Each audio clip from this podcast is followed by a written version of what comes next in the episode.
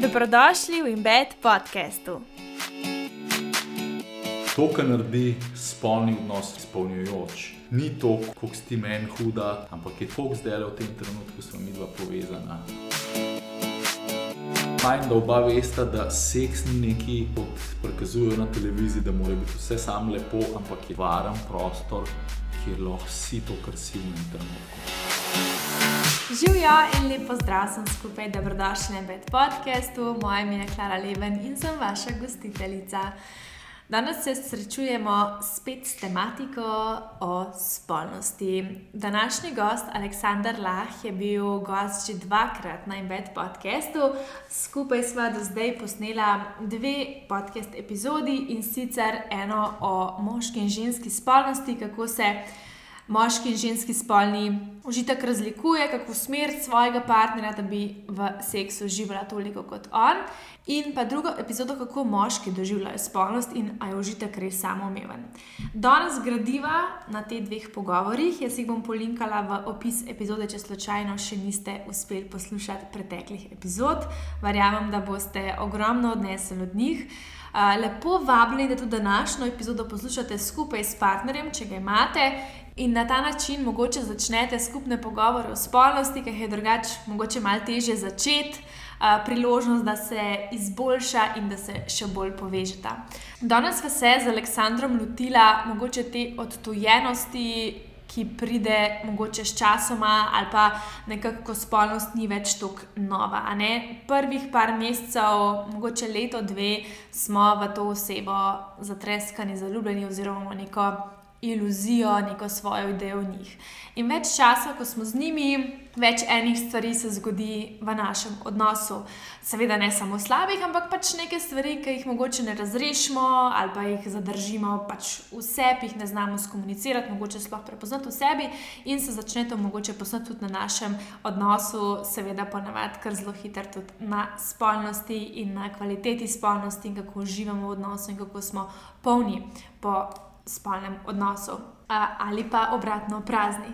Tako da danes je pogovor namenjen temu, kako graditi to prvotno, najprej neko bolj globoko partnerstvo, videti te svoje izzive, ki jih imamo, kot priložnost, da gremo v globji odnos s samim sabo, s svojim partnerjem in ne kot.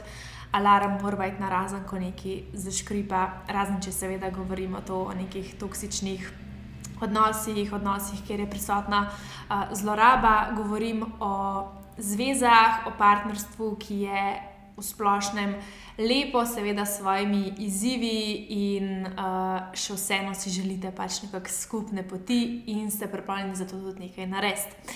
Tako da danes se lotevamo tega, mogoče spolnosti, zavestnega partnerstva in pa kako nekako obuditi to strast v sebi. Lepo vabljeni vsi poslušalci, kot vedno, da se mi javite na Instagramu, javite se Aleksandru, je vedno tudi vesel vašega feedbacka in uh, vaših pač povratnih informacij o pogovoru. Aleksandr in njegove epizode so najbolj poslušane epizode in bed podcasta, tako da verjamem, da boste tudi v tej uživali in predlagam, da kar nekam ovim kart in vas povabim k poslušanju epizode. Uživajte. Tako da, Aleksandr, najprej lepo dobrodošel. Hvala za vabilo, z veseljem sem prišel. Rad bi dal en disclaimer na začetku. Um, nisem jaz strokovnjak za partnerstvo, jaz sem bolj za spolnost. Um, se pa dosta dotikam partnerstva, zaradi tega, ker skoraj vedno ugotovim, da ni v spolnosti problem, ampak v njihovem partnerstvu, v njihovem odnosu. Dobro. Meni se zdi, da se nasplošno, preden sem začela snemati tale podke, sva se večkrat pogovarjala o mojem zanimanju za zavestno partnerstvo, kaj nekak, kako to zgleda, kako to, ne vem, mogoče jaz dojemam, pa me zanima, kako ti dojemaš zavestno partnerstvo, kaj to zate pomeni. Mm, vprašanje je fully široko, ampak mogoče en tak dober, dober približek je za me, da ne pobegnem iz odnosa v prvih težavah, ampak da rečem, ok, očitno se zdaj odnos začenja, trčila sva um, onkraj iluzij v najne rane, ki jih vsi imamo. Um, Doskrat vidim, da se kašni probejo delati, ne, jaz sem ok, jaz sem zrihtan, jaz sem postavljen, jaz nimam ran ampak do konca življenja se bomo učili živeti z njimi. Uh, nimamo vsi enakih hran, imamo različne, pa tudi triggerje, potem, ki sprožijo te bolečine, pa ki potem sprožijo ali umik, ali napad, ali friz, da zmrzneš. Um, smo, smo si različni, ampak zavestno partnerstvo je za mene tukaj, ok, da je te priložnost temu, da to poglobi na en odnos. Ker verjetno je na začetku nekih zvez, ne teh romantičnih zvez z lahkoto biti intimen, je nekako bolj exciting, nekaj na novo. Pač Ponavadi že v svoji glavi ustvarjaš, kako bo prvič, ko boš pač spolno intimna, in tako naprej. In velikokrat težave nastanejo, verjetno tudi po parih mesecih, ko si že nekaj časa skupaj, mogoče letih, in zadeva postane malo bolj ena in ista, ne? oziroma bolj kot neka rutinska, sploh glede na tempo današnjega vsakdana. In zdaj me zanima, če si se že kdaj srečal vem, pri svojih strankah.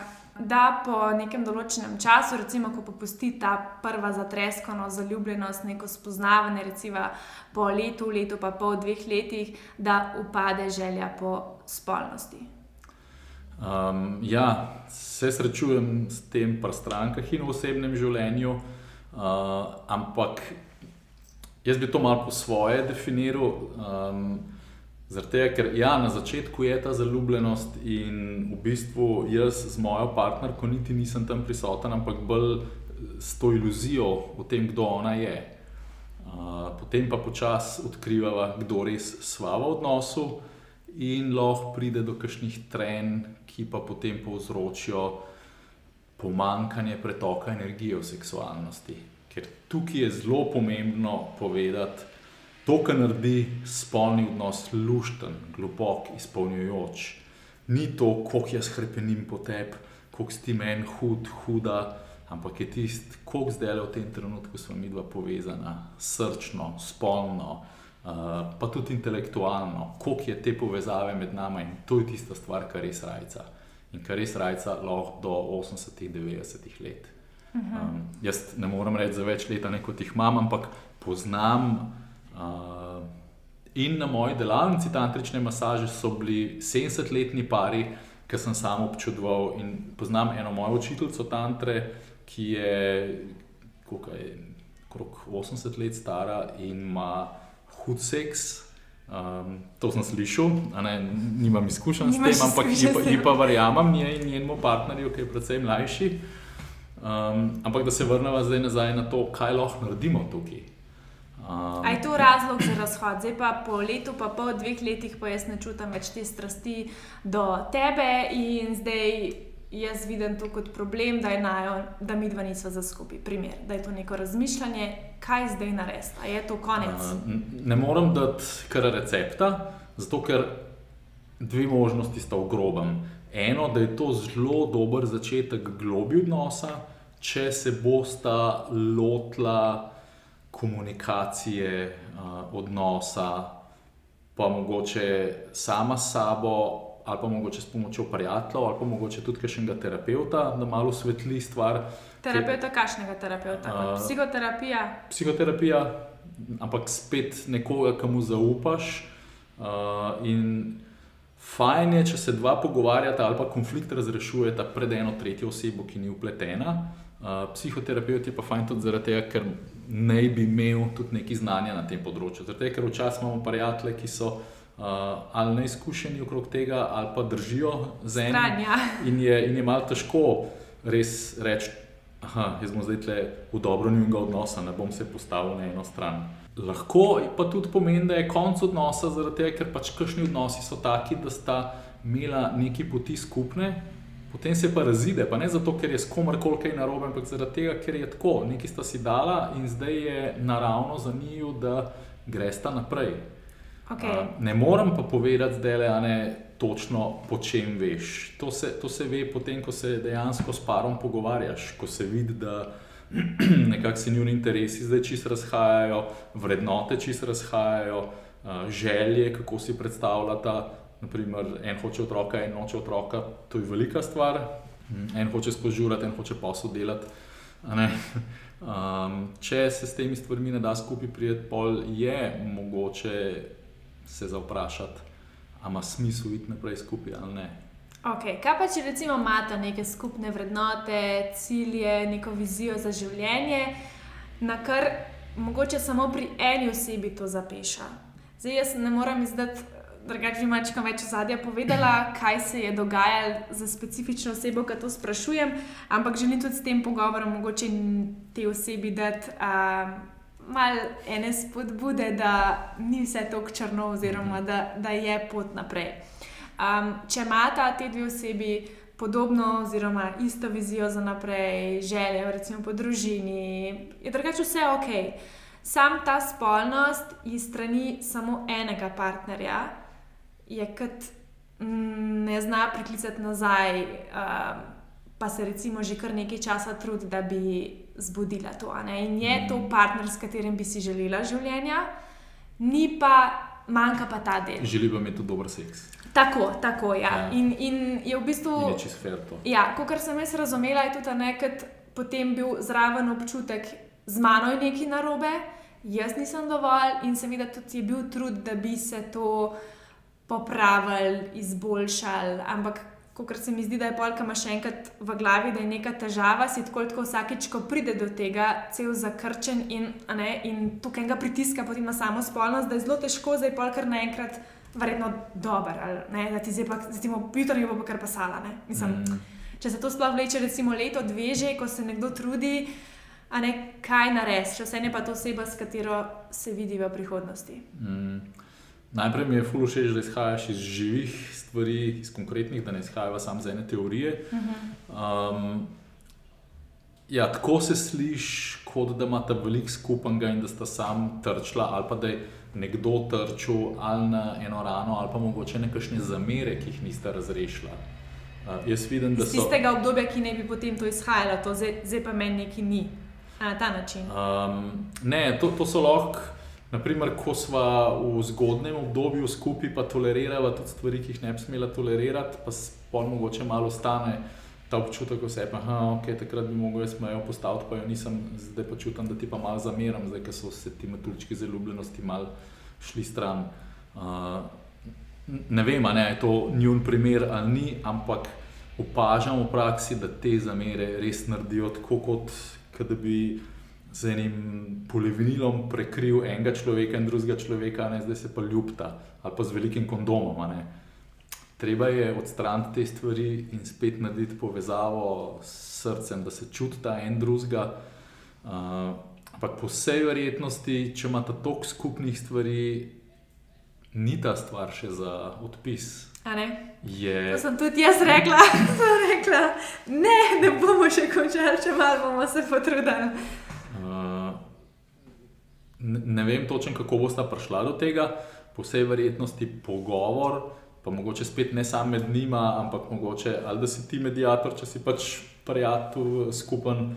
Uh, ali pa spet, da je še en psihoterapeut, ki zna lepo reči: Poglej, to je tvoja odgovornost, to je tvoja, tukaj ti rabiš delati na tem. Tukaj se ona srečuje s svojimi ranami, tukaj se on in uh, tukaj ima ona nerazrešeno to do svojega očeta. Tukaj ima um, on mogoče, ki pa ne zna z žensko, ki ima bolečino ravnati, pa jo ne zna podpreti v tem. Um, a veš, in ko pridete do nečesa tazga, da naprimer on ve, ne vem, jaz zdaj kar predpostavljam, da je on tisti, ki mu je doseg se ne. Tako je. Ne pa ni. Ja, prav ja, predpostavljam. Ja, ja. Ok. A ne, in mogoče um, jima pomaga, če on ve, da on ni dolžen njenih problemov reševati, ker sigurno te problemi so sam spet prišli v njihovem odnosu na površje, izvirajo pa iz otroštva, pa iz odnosa z očetom, z mamo. Se pravi, da je to v bistvu spet neka površinska zadeva, ki jo vidimo kot glavni problem, v resnici pa lahko problem. To je, to, to, je simptom, to je samo kot neka posledica. Ne? To, to je simptom, ki kaže na eno globljo stvar, ki kliče po pozornosti. Ampak hotel sem povedati, da fajn je, da on ve, da ni njegova dožnost, da on razrešuje ta problem. Je pa zelo lepo v partnerstvu, če zna ona njemu povedati, kako jo on lahko podpre pri tem. Naprimer, da reče. Um, v takih trenutkih, ki sem jaz taka in taka, mi ta beseda ali pa ta gesta pomaga, da se malo potegnem ven. Uh, in, in to lahko ful pomaga. Kaj pa recimo tudi tako, ne, da nekaj je, da ti ne rečeš do svojega partnerja, želje po tej intimi, nekaj pa da ti tudi že iz prve sam po sebi nimaš sploh želje po spolnosti. Jaz se v bistvu s tem tudi. Ne, da, da v bistvu res tako se mi zdi, da okay, je bilo, da ona ne bi čutila do njega, izključno do njega, drugače ima pa ful želje, ne? ampak je nima. Um, ja, malo bi te popravil. Um, lahko se zgodi, ne, da bi ona tudi imela do vseh drugih privlačnost, do njega pa ne več, uh mhm. -huh. prej jo je pa imela zaradi tega, ker se zdaj le med njima neki kuha. Uh mhm. -huh. In se je pol lažje odpreti nekomu drugemu, in je sosedova trava bolj zelena. Uh, ne, ampak če praviš, da pa tudi ona ne čuti seksualnosti sama s sabo, pomeni, da se tukaj srečuje z enimi stvarmi, ki se mogoče nezavedno ali pa zavedno malo odmika od njih in posledično nima stika sama s sabo. Zato, ker ko imamo stik s sabo, se mi lahko uležemo ali pa usedemo in rečemo, ok. Zdaj le čas za me, samo diham, pa čutim svoje telo in te začne že to rajcati, ko si povezan s sabo. To je tako redkost, jaz mislim, da to kdorkoli. Mislim, tako, vem, da v tvojem svetu, pa način, kako ti delaš, je to nekaj, kar je tebi samo umevno. Medtem, ko danes kogarkoli zave na ulici pogleda, ko greš stav, da jih 99,9% tega nikoli ne naredi in samo gre avtomat čez dan in na koncu dneva si samo no, oh, a ne. Možno lahko, da bi bila ful presenečena, ker jaz vidim, ko meni pridajo stranke pa pridejo z ulice, pa jih vidim, kako izgledajo in kaj se skriva v njih, ne bi mogel slutiti, dokler se to ne odkrije med samo tantrično masažo. In ti povem, da vsaj mene vidi z fulvara. Mhm. So v ljudeh tako globoke stvari skrite, tudi v takih, ki po cesti hodijo, pa ne slutiš nič tega. Tako da tle ne moramo vedeti, fajn je pa, da veva, da to obstaja. Da, da imaš rad sebe, da si všeč sebi, da čutiš v sebi bogatstvo, spolno energijo in da je lušten samo nego delati, uh, samo zadovoljevanje na en lep način, um, je pa vedno lepše to še z nekom drugim. Um, ni pa fajn, če je to lepo sam z drugim, sam s sabo je pa dolg čas, ker opazil sem, da dosti ljudi ima idejo, da če se jaz samo zadovoljujem s tem, varam partnerja, ali pa s tem samo sebi dopovedujem, da sem tako malo vreden, da moram sam to početi, da me mm -hmm. noben ne mara dost. Ampak to so dosti zgrešene stvari. Pa po možnosti še na skrivaj. Naprimer, ja. Tako da ljubezen, pa biti ljubljen, se začne pri sebi. Partnerji so nam vedno špego, so nam ogledalo, so nam nekdo, ki nam zrcali, kako delamo sami s sabo. Uh, ravno zdaj sem imel seanso z eno mlado žensko, ki je rekla, da je imela partnerja, ki je zelo grdo z njo delal, uh, je rekla, da je bila to zloraba. Uh, pa sem jo pol malo sprašval, kako pa ona sama sabo dela. In sva prišla do tega, da si ne izkazuje dost ljubezni, da ni lih, da bi kdo kot odzum gledal rekel, da ona ima pa rada sebe. In sem rekel, da življenje ti pokaže na partnerju malo potencirano, kako delaš sam s sabo. In če nekdo dela lepo s tabo, pomeni, da tudi ti globoko sebi veš, da si zaslužiš lepo in delaš lepo sam s sabo in se ceniš. Doskrat smo pa tudi taki, da sem upal nad sabo, sam da najdem enega, ki me ima rad, pa bom imel jaz rad nazaj. In je tako, da dva na berglah se malo naslonita ena na drugo, in je to fulno nestabilno, in pol čim se en hoče malo premakniti, lahko padata in si ne pustita rast. Um, če pa izhajaš iz sebe, ker tukaj je tudi en zgrešen koncept, da oskrat mislijo, če jaz uživam sam s sabo, zakaj pa rabim pol partnerja? Zato, ker v dvoje bo vse en ful lepš, pa se bolj rase, pa se tudi bolj pritiska na boleče točke. Ker so ljudje, ki utičijo v tem, v eni duhovnosti sam sabo. Ko ne rabim nobenega drugega, jaz sem dovolj. Ja, pa ne, se pripriča, da, da je ful razsvetljen. Res pa da je ful blizu Bogu, pa da, da ljudje so pa vsi smotani um, in tle neki ful smrdi. Ne? Um, odnosi z ljudmi in s prijatelji so tisti, ki nam pokažejo, kje smo. Uh mhm. -huh. Kaj bi pa recimo rekel, primer za ta primer specifičen, pa tudi nasplošno za druga razmerja, ki so dejansko intimni, samo ko pač imajo spolni odnos, recimo temu. Uh, Um, kako se mogoče še na drug način, ki ne vodi do spolnosti, približati partnerju. Imaš mogoče kakšne naloge, izzive ali pa nekaj, ne? kako se lahko z nekimi dotiki ali ne vem, tako, kako se v bistvu lahko še, preden pride sploh do te spolnosti ali nekaj. Povezuješ iz dneva, kot neka predigra, recimo, ki se kar nadaljuje, nadaljuje, nadaljuje. En dober recept je, da si rečete, zdaj pa trikrat, ko bomo šli skupaj v poslo, se bo samo crklala in ni nobenega pritiska, da moramo iti do konca. Ni nobenega pritiska, da moram jaz doživeti orgazem, da moraš ti doživeti orgazem, da moram jaz poskrbeti za tebe. Ampak dejva se sam medvedkrat, crkljati, um, narediti prijetno okolje. In doskrat se pol tudi sred tega okolja vna želja, uši sem že se pa ful odprta, zdaj pa pa je naprej. Pa je fajn, da takrat rečeš, ne, dejva danes do tukaj pa da je dihati po celem telesu te občutke, to pohoto in nahraniti vse celice, ne pa to zdaj samo na hitro sprostiti. Ampak, ok, ti to predstaviš svojemu partnerju. In se mi zdi, da je veliko tako, jaz sem enkrat sicer o tej svoji izkušnji že govorila, v bistvu moja prva izkušnja, preden sem dejansko šla v spolni odnos, ne, kot uh, najstnica še takrat. Uh, in sem sva se nekaj pač igrala s tistim partnerjem takrat, in potem sem jaz nisem želela več naprej. Ne? In njegova reakcija je bila, čak, kaj, pač, kaj pa ti zdaj mene, kliniki, kao izzivaš, nočeš pa do konca mm. in. In zdaj verjamem, da seveda nisem edina, ki pač partner bi kar, aj čak, kako zdaj, kako zdaj samo se stiskati, samo zdaj konc, ne? da, da ima zihar še kdo kakšno tako izkušnjo. Kako to mogoče skomunicirati s partnerjem, da ne bi, ali pa ne, mogoče v tem smislu ne, da, ker, kot smo se pogovarjali na enem prvem tem snemanju, je v bistvu, da moški že prve, v bistvu, oziroma veliko hitreje lahko pripravljen na spolnost, medtem ko ženska ne bi kuhala, mora najprej zavreti in tako naprej. Nismo nekaj v tem smislu, sem jim nekaj prispodoval.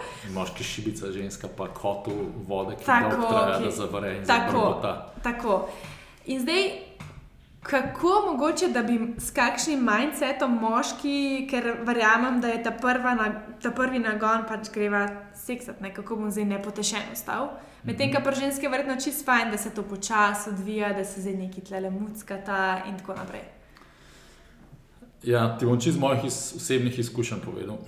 Mislim, da sem bil tam okrog 20 let star in sva bila za eno skupino na morju. In jaz sem si predstavljal, oh, kva se je imela dobro v postli.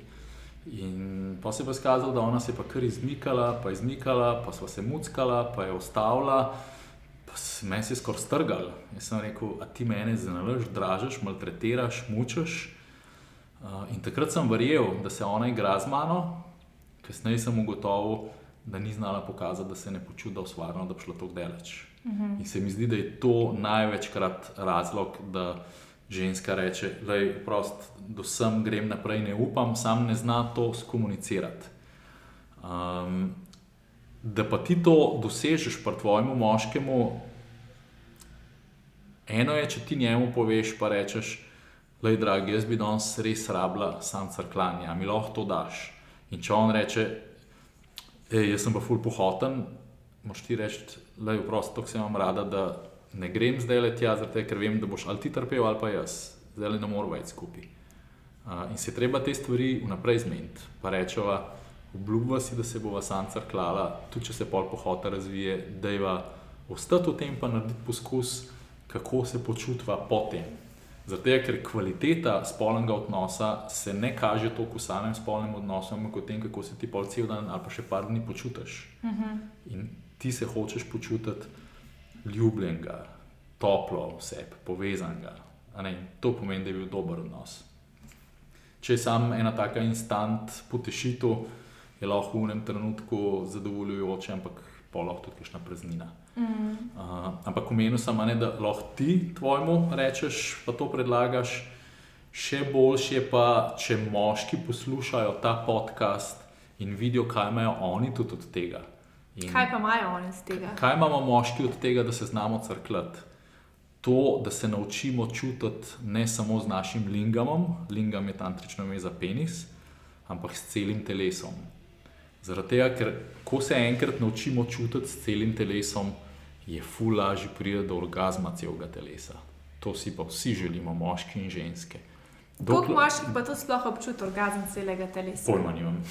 Mislim, tako je to nekaj, kar jim je naravno, ali je to pač še to za neko tako instant rešitev? To, to je vam ženskam bolj naravno. Okay. Vam ženskam je to lažje. Mi dva smo se pogovarjali pred leti o tem, da imate vi ženske srečo, da ne morete tako hitro do orgazma priti in ste prisiljene se malo več ukvarjati s temi stvarmi in globi raziskati svoje telo. Moškim, moškim nam pa lahko zelo hitro pride in pol živimo v iluziji, da to je to, da sem se da prideti v seksu. Uh, ampak, ko se pa moški nauči čutiti s celim telesom, pol je pa lahko ljubljenje, že sam crklanje, ful izpolnjujoče, potem pa še, ki greš ta do konca, je pa lahko še to ena tako ogromna češnja na torti. Tako da za moške je tukaj to, da oni senzitivizirajo ali pa naredijo svoj telo čuten. Zato, da, ker mi se hočemo ljubiti s celim telesom. Narava nam je pa dala to pohoto zaradi prokreacije, da največ čutiš na lingamu, pa da si najbolj usmerjen tja in da pri ženski vidiš samo uh, njeno joni, vagino, ali pa mogoče, če si dovolj širok, vidiš širit, pa joški ostaga, pa ne. Uh, ja. ne. Ampak v resnici meni je najlepše, kad čutim, da se z žensko, da je čisto vse, kaj se fizično drgne, ampak da sta najna energetska polja tisto, kar ustvarja ta kemijo v tistem trenutku. Spet na ta energetska polja pa ful vpliva, če so stvari nerazrešene v odnosu, če so zamere, če Uh, Včasih med seksom pridejo na površje tudi bolečine in je fajn, da oba veste. Kaj je fizična bolečina med seksom? Um, lahko fizična, uh, večino pa bolj čustvene, naprimer, kakšen sram, kakšna krivda, kakšen občutek manj vrednosti, jeza na partnerja, nepojasnjena, gnus. Uh, gnus doskrat, uh, če je bila ženska zlorabljena, pa se potem fulvarno z enim novim partnerjem počuti, pa se mu ful odpre pa se hoče pol ta zloraba očistiti, predelati, uh mhm. -huh. integrirati in ona eh, doživi asociacije na tisto v novem varnem okolju. In bolj to spet dojameš kot tole nekaj ni v redu, ta partner ni v redu. In je, in je fajn, da oba veste, da seks ni neki. Kot prikazujejo na televiziji, da mora biti vse samo lepo, ampak je seks varen prostor, kjer lahko si to, kar si v enem trenutku. A si v enem trenutku, pohoten, pa nor na drugega, ali pa si v enem trenutku ranljiv, pa mogoče srečuješ s svojimi stvarmi. In je fajn, da oba vesta, da je prostor za to. In doskrat imajo moški težave, če partnerka joče med seksom. In mislijo, da sem nekaj narobe naredil. Mislim, da je tudi moja prva asociacija, če bi nekdo začel jokati med seksom. Lej, um, meni se to Najprej ta prva asociacija, ponovadi, ki je jog, si tako kaj narobe. Ker sta dosti povezana, čutiš, da je to jog ene globine, enega olajšanja. Zdaj, verjetno je lahko različnih jokov, ne lahko je še tudi iz obupa ali kar koli, uh, ampak večinoma do tega joka pride čistko ženska ali čas tudi moški, niti ne ve, odkje so ta čustva prišla. In je spet fajn, da jih ne proba potlačiti, pa reči, oši, tudi kje to prišlo, to zdaj ne spada sem kaj si pa ona mislila, kaj si pa on mislil. Ali pa spet, da je uspešno partnerstvo in uspešen spolni odnos samo takrat, ko je lepo, če pa nekaj ni ok, je pa kot. Sam ta jok je lahko to klep. No, ampak ne govorimo o joku, jaz mislim tako splošnem, ne? da pač imamo spet neko predstavo, kaj je pravo partnerstvo, kot v smislu, kaj je pravi partner za me, da je vse samo lepo, da je vse samo dokler se razumeva, sva super, če se pa ne razumeva, pa, pa tukaj alarm, nisva za skupaj, neki, ne, ne takoj uno, če pa nekaj ni, pa pa v drugo mhm. stran. Ne. Um, neki dvomi, verjetno, ne, in tako na mestu, da bi to videl kot priložnost, kar se pač ponudi v odnosih, za če je seveda odnos zdrav, ne govorimo o neki zlorabi. Ok, gremo pogledat, zakaj je to v meni privrelo na plan. Da mogoče sploh nima res toliko neke direktne veze z mojim partnerjem po vsej vrednosti jo nima. In ja, strinjam se, da konflikti v odnosih so lahko samo nakazovanje nove globine ali pa nove stopnice v odnosu, ne pa konc odnosa. Spet, ne, ne da se dati receptov. In tako, kot sem rekla, če gre za nasilje, če gre za zlorabo, je to čist druga stvar. Če pa gre za to, da te ima en rud, pa nekaj počne, pa v tebi nekaj trigerira, nekaj sproža, ker se ti je že iz otroštva nabiral, je pa to ful zdravo in je to v bistvu poklon odnosu. Da se tvoj telo počuti tako varno v tem odnosu, da si upa pokazati tisto ranljivo stvar, sam pa je pa spet stvar zrelosti, okay, a, si, a, a si dovoljen. To je spet podobno kot prej smo v seksu govorili. A, a to je dobrodošlo v odnos ali mora biti samo vse kot v filmih. To se mi zdi, veš, da je vedno tako, da lahko s kjerim koli področjem življenja, recimo, ko vidiš, da ti nekje privre, vedno lahko potegneš usporednice pač na vseh ostalih področjih. Recimo, jaz se vedno, zato ker sem največ o tem govorila, nanašam na recimo, moje obdobje, ki sem imela prehransko motnjo. In jaz sem takrat videla kot problem hrano. Medtem, kaj je bilo seveda pač čist nekje drugje. Ne? Pod površjem je, če tako pogledaš, vedno v nekem nesprejemanju svojih občutkov, nezmožnost, nezmožnost biti s tem svojim nelagodjem. In enako predvidevam, da ti, ko ti pač to butne ven v spolnosti ali pa v partnerskem odnosu ali pa ne vem, neki, ki ti magaro karieri, nekako butne ven, a ne priložnost, da pogledaš v nekaj, kar čaka biti odkrito, glede tebe, predvsem, mm -hmm. in kako to lahko potem nadgradi tudi odnos z drugim človekom. Ker se mi zdi, da odkriješ neko to svojo globino. Primer, jaz sem s prehransko motnjo, mi je dala neko globino v smislu sočutja do sočloveka, razumevanja sebe, svoje globine teh temnih občutkov, s katerimi se prej nisem soočala, a ne spet neko novo globino, ki jo lahko ponudim tudi jaz v razumevanju svojih odnosov s partnerjem, s prijatelji, z ljudmi, evo, tako le, ki nas poslušate preko interneta. Da je pač ni to, da občutki in situacije ne rabijo biti kot v smislu, to je dobro, to je pa slabo, ampak pač v splošnem kot neka nova izkušnja. Priložnost. In, in dobro ali slabo je potem, kaj bom jaz naredila s tem, ali pa jaz naredila s tem. Um, tako da to si zelo dobro povedala in to je zelo globoka filozofska stvar. Niso stvari dobre in slabe, ampak kaj jaz naredim s tem. A vidiš ti to filozofijo? To je pa noro, kaj to le zdaj. Ja, in to, in to ti je prišlo iz tega, ker si imela to izkušnjo s to prehransko motnjo. In to mi je dalo tudi priložnost, da ne vidiš vse stvari samo površinsko, ker sem takrat res mislila, da je ta glavni, uh, moja glavna težava hrana, medtem ko je pač bil vzrok čist nekaj drugega. In se mi zdi tudi to mi je dalo neko pogled ko sem se res raz, začela razumeti skozi to izkušnjo, videti, kaj se dogaja v ozadju, tudi potem priložnost, da potem partnerski odnos in kar pride na plano, ne vidim kot, evo, to je uno spet črno-belo, to je problem in ne kot samo površinsko, ampak da res pogledaš, kaj se skriva pod površjem in iz, za, zakaj to se ponudi kot neka priložnost, da raziščeš to zadevo. Ne? Ja, to je zelo dobro.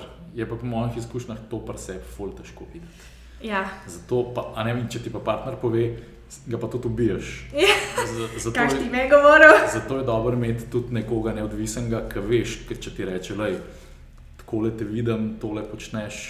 Ne, neodvisni osebi pa lažje verjameš, pa rečeš, ošit, mogoče pa res se ne poznam še dost. A pa poznaš mogoče, ga, mogoče kakšnega terapeuta, ki bi ga priporočil, da si delo že z njim, pa da veš, vem, da ti recimo odgovarja. Ker se mi zdi, da je tudi zelo težko najti neko osebo, ki je pač dobra v tem. Da, vem, recimo, mene je bilo vedno tako, se vedno sprašujem, tudi ko poslušam podcaste, ko poslušam ne vem kogarkoli, se vprašam, ok. Kdo je ta človek in zakaj bi ga jaz pa poslušala? Mm. Ker velikrat, a ne, mi poslušamo pa spet neko poplavo informacij od ljudi, ki ne, jih ne bi v live sploh poslušali za neke uh, nasvete, medtem ko jih tukaj le, poslušamo tako le preko spleta, se sploh ne vprašamo, kdo je tisti, ki nam pač podaja mm. informacije.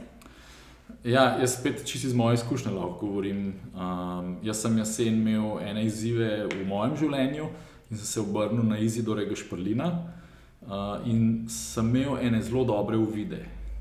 Um, zato njega lahko priporočam. Ne morem reči, da je dober on za vse. Ampak za te ti. ti Me, meni je bil zelo všeč, predvsem zaradi tega, ker sem začutil, da je imel eno jasnost, eno konkretnost, eno direktnost in da ni na čovinkaru, ker jaz sem tu tak človek, ki rečem, da ne me probač para, da direkt mi povej, kaj vidiš, to mi bo najbolj pomagalo. Pa, e, ene pa to mogoče jim je pa mal preveč, pretežko. Um, Ker ni več narobe s tem treba si pač najti ta zga, v katerem lahko rastaš. Ampak, veš, velikokrat se mi zdi, da je tudi ta glavni strah, ko gre nekdo na to ali terapijo ali pa kakšno zakonsko, če kakšna, ne vem, no strah, da bi lahko prišlo do ločitve ali pa nekaj. Ne? V tem smislu, da boš prišel tja in ti bo rekel, vidva niste za skupaj, pejte na razen. Da, da dobiš primer nekoga na, na, na drugi strani, ki. Uh, mogoče bi se pa dal ta odnos rešiti. Razumeš, kaj mislim, da imaš, kdo ti to, je, kdo je, ti to dvorezen, reče? je dvorezen meč to. Ja. Zaradi tega sam malo je pa treba tudi v življenje zaupati. Pa reči, ok, življenje, obupu sem zdaj na tej točki odnosa sam s sabo ali pa v partnerstvu, a mi lahko kakšno lučko pokažeš, a ne in ti pokaže. In nekje slišiš, nekje izveš za eno stvar, in pa še malo začutiš, ali mi rezonira ali ne. Um, treba je tle večkrat tudi sebe poslušati, ne samo uh, pravijo, da je ful dobr, malo tudi poslušati človeka, pa ga začutiti. Hmm. Kaj pa recimo, kakšno vprašanje, če jih imaš tako zelo iz glave, kaj bi bilo fajn, da se partnerja, ne glede na to, na kateri točki sta, mogoče malo vprašati, da bi se lažje povezala tudi v tej spolnosti ali pa nasploh pač v odnosu, da se bi počutila, se pravi, da bi to bližino, ki potem seveda tudi pele do boljše spolnosti. Um, meni je eno tako dobro vprašanje, da vprašam mojo partnerko, ali pa tudi obratno, da rečem, ej, a imaš občutek, da te jaz v kakšni stvari ne slišim, ne dojamem. Ne? To, to mi je eno tako dobro vprašanje, zaradi tega, ker doskrat se nam to dogaja, pa, pa noben ne upa reči, pa samo sebi neki benti, on me sploh ne pošteva, sploh me ne sliši.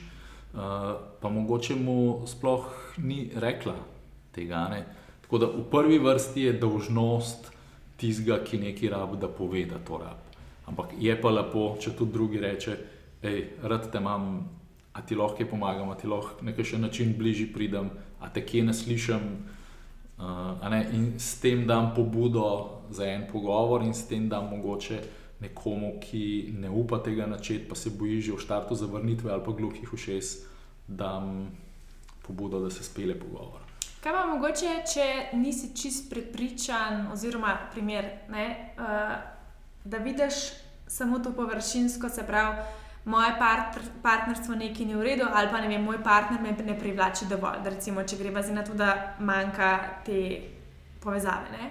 In zdaj ti, ko to, kot da vprašaš, kje te ne slišim, bi nekdo rekel neko to površinsko zadevo, ker še sam ne razume, kaj se v resnici dogaja z njim. Kaj pa mogoče je kakšno vprašanje to za samo refleksijo, da ti najprej sploh res, mogoče sam ne prideš do stvari do dna, vprašanje, ki je tudi no in ne, v kakšne uh, smeri, ne vem, kaj vse lahko gremo, ampak tako mogoče, da najdeš to varnost, pa neko jasnost v sebi. A s katerim vprašanjem bi to dosegel? Mogoče ja, eno par vprašanj, če imaš tri vprašanja, pa je tako, da si bliže sebi na prvem mestu. Um, lahko tudi sebi podobno vprašanje postavim, kje se ne upoštevam, a sam garam, pa nič ne počivam, pa si ne prvoščam nič zabave. Um, meni to doskrat odgovor pride. Ja, uh, tako je. ja, sam garaš, pa sam uporabljaš telo za delo, kaj pa za zabavo, ja, halo. Ja, ja, ja. Uh, ne, ampak spet smo različni. Eni pa uh, pa telo rekel, da je lahko nehaš sam nadaljevanke gledati, pa lahko malo svoj potencial v prakso spravaš. Ne, da jaz zaživim malo. Um, ali pa da ne, ne bi to kritičen skozi do sebe ali pa do mene kot do telesa. Da je lahko vidiš, da smo resnici mi dva, zdaj govorim v dvojini, ne zato, ker smo saj dva, jaz v meni je Aleksandrov fula in se moramo zmeniti. In uh, si re, včasih zaslišim, da je lahko sam dojameš, da si čist faca, da se ne rabiš dokazovati, da ne rabiš uh, grad za to, da bi imel občutek, da je zdaj dober. Mislim, da imamo vsi kar ene par verzij sebe, ne spet odvisno, ja. v kakšnem okolju smo, v kakšnem obdobju smo, s kom smo, ne pač pride neka verzija, verjetno iz mamo, neka druga verzija, ki s partnerjem, pa s prijateljem, pa s profesorco, ne, da, da, da pridejo neki drugi deli tebe. Ven. No, ampak eno so vloge, ne, to, kar govoriš, znajo biti vloge, eno so pa uh, deli nas kot ene psihološke podosebnosti. In, naprimer, jaz imam ene dele mene zelo močne in razvite, in mi je ful. Varno in prijetno živeti in izražati te dele, ki pa pridejo gor, kašni deli, ki jih je pa malo bolj strah, pa ki so malo bolj ranljivi. V njih pa nisem tako vesel, ampak mi smo tim in smo močni, tako kot je močen najšipkejši člen. Zaradi tega je treba tudi te dele nasloviti, pa najti način, kako jim dati pozornost. Ker ko si odrasel, imaš vse tudi svojega notranjega otroka, ki moraš znati poskrbeti za njega. Kaj si zdaj, da ta notranji otrok ponavadi kriči pri teh zadevah, ki jih vidimo kot posledica pomankanja Ja. uh, želje po spolnosti, uh, enega driva za svojo kariero ali neko napredovanje, ali neki materi, ne vem, nima želje po materinstvu, ali pa pač nekaj, ne vem, to čistko na blebori. Ampak da je vedno nek ta notranji otrok, ki ga hočemo racionalizirati, ampak s to racionalizacijo nekim. Pravili ne pridemo do tja, ampak ga je treba začutiti. Sam zato je pa tudi treba eno ogromno, ogromno mero poguma, sploh za tiste stvari, ki jih z razlogom zatiraš, ne? ker te jih je pač strah odkrito vse. Mm. In tukaj gre isto za vzgajati svoje dejanske otroke, če imaš svoje otroke, ali pa notranjega otroka. Ne moreš racionalizirati, ne moreš reči, da je kaj te strah, se tu ni nič tazga, ampak lahko rečeš, le razumem, da te je strah, ampak vse je v redu, jaz sem tle za te, uh -huh. jaz skrbim za te. Uh, da ti pokažem, kako se soočaš s tem. In isto se pogovarjati, odrasla, z jaz z notranjim otrokom, ja. kot varna si, vse Tako. v redu. Ne? In jaz, jaz, na primer, znam, včasih, ker nisem v najboljši koži, znam se sam sabo reči, ok, dovolim si ljubezen. Ker se mi zdi, da je tako, da smo ribe v vodi, žejni, žejni ljubezni in rečem, ok, sam odpreti se rabim, sam dovolj si rabim. Doskrat si pomagam tudi s kakšnimi dihalnimi tehnikami. Um, pri dihalnih tehnikah se ful dvigne nivo zavesti in lahko priješ tudi do stanj podobnih kot pri drogah. Uh, in takrat, jaz sem raven, ne, dva dni nazaj, sem šel dihati in sem začutil, sem rekel, šit, v enem obdobju sem kagaram, ker sem si uklepen na kopu okrog sebe in sem tako imel vizijo, da okay, čez oklep je prišel en žark ljubezni in me je stopil vse. In sem v unem trenutku začutil, kako me je napolnil in sem rekel, ošit, kako je lepo. Sam, polk sem pa prišel iz tega stanja zavesti nazaj normalno, je pa to bilo sam kot opomnik, da lahko greš sem, imaš dostop do tega, sam nauči se delati to. Ni da prideš do tega, pa kar imaš. To, mislim, da točno vem, o čem govoriš. Zato, ker sem tudi zelo en takem obdobju, ko sam delaš, delaš, delaš, delaš in jih uno isto zabavo, ki si rekel, meni isto kliče, kaj v smislu uno. A veš, kaj uno, dej malo, uno, zadihaj, pač ne vem, da se res prav počutiš.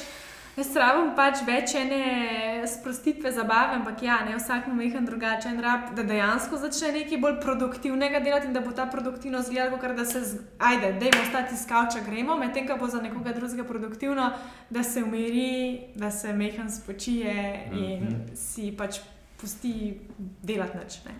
Ja, in se z leti pol opažamo, kaj so te naše prioritete. Meni so bile dolg, full prioritete delo, da je delo upravljeno, da sem produktiven.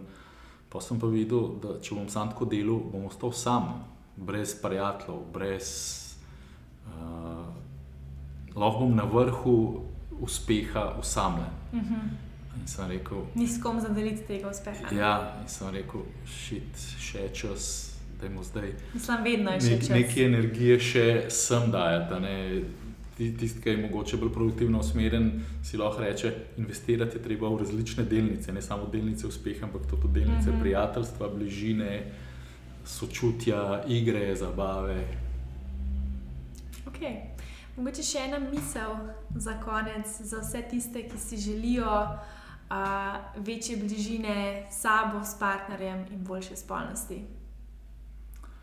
Za vse si želim, da odkrijete, da ste v resnici ful več face, kot mislite, da ste. Zaradi tega, ker viri vseh teh težav so, da smo ful kritični do sebe, pa v resnici smo ful v redu. Evo nas, pa smo prišli do konca današnjega pogovora. Hvala vsem, ki ste poslušali do konca. Jaz sem postila vse informacije o Aleksandru, o njegovem delu, ki ga najdete v opisu današnje epizode. Prav tako dve epizodi, ki smo jih že posneli, če jih želite poslušati za nazaj, pa mogoče še enkrat uh, preposlušati. Lepo vas povabim tudi v Embed spletni studio, da se začnemo skupaj gibati in se tudi na ta način bolj povezati samim sabo, negovati svoje telo in svoje svojo glavo. Hvala vam in se spet slišmo v naslednji epizodi. Ciao!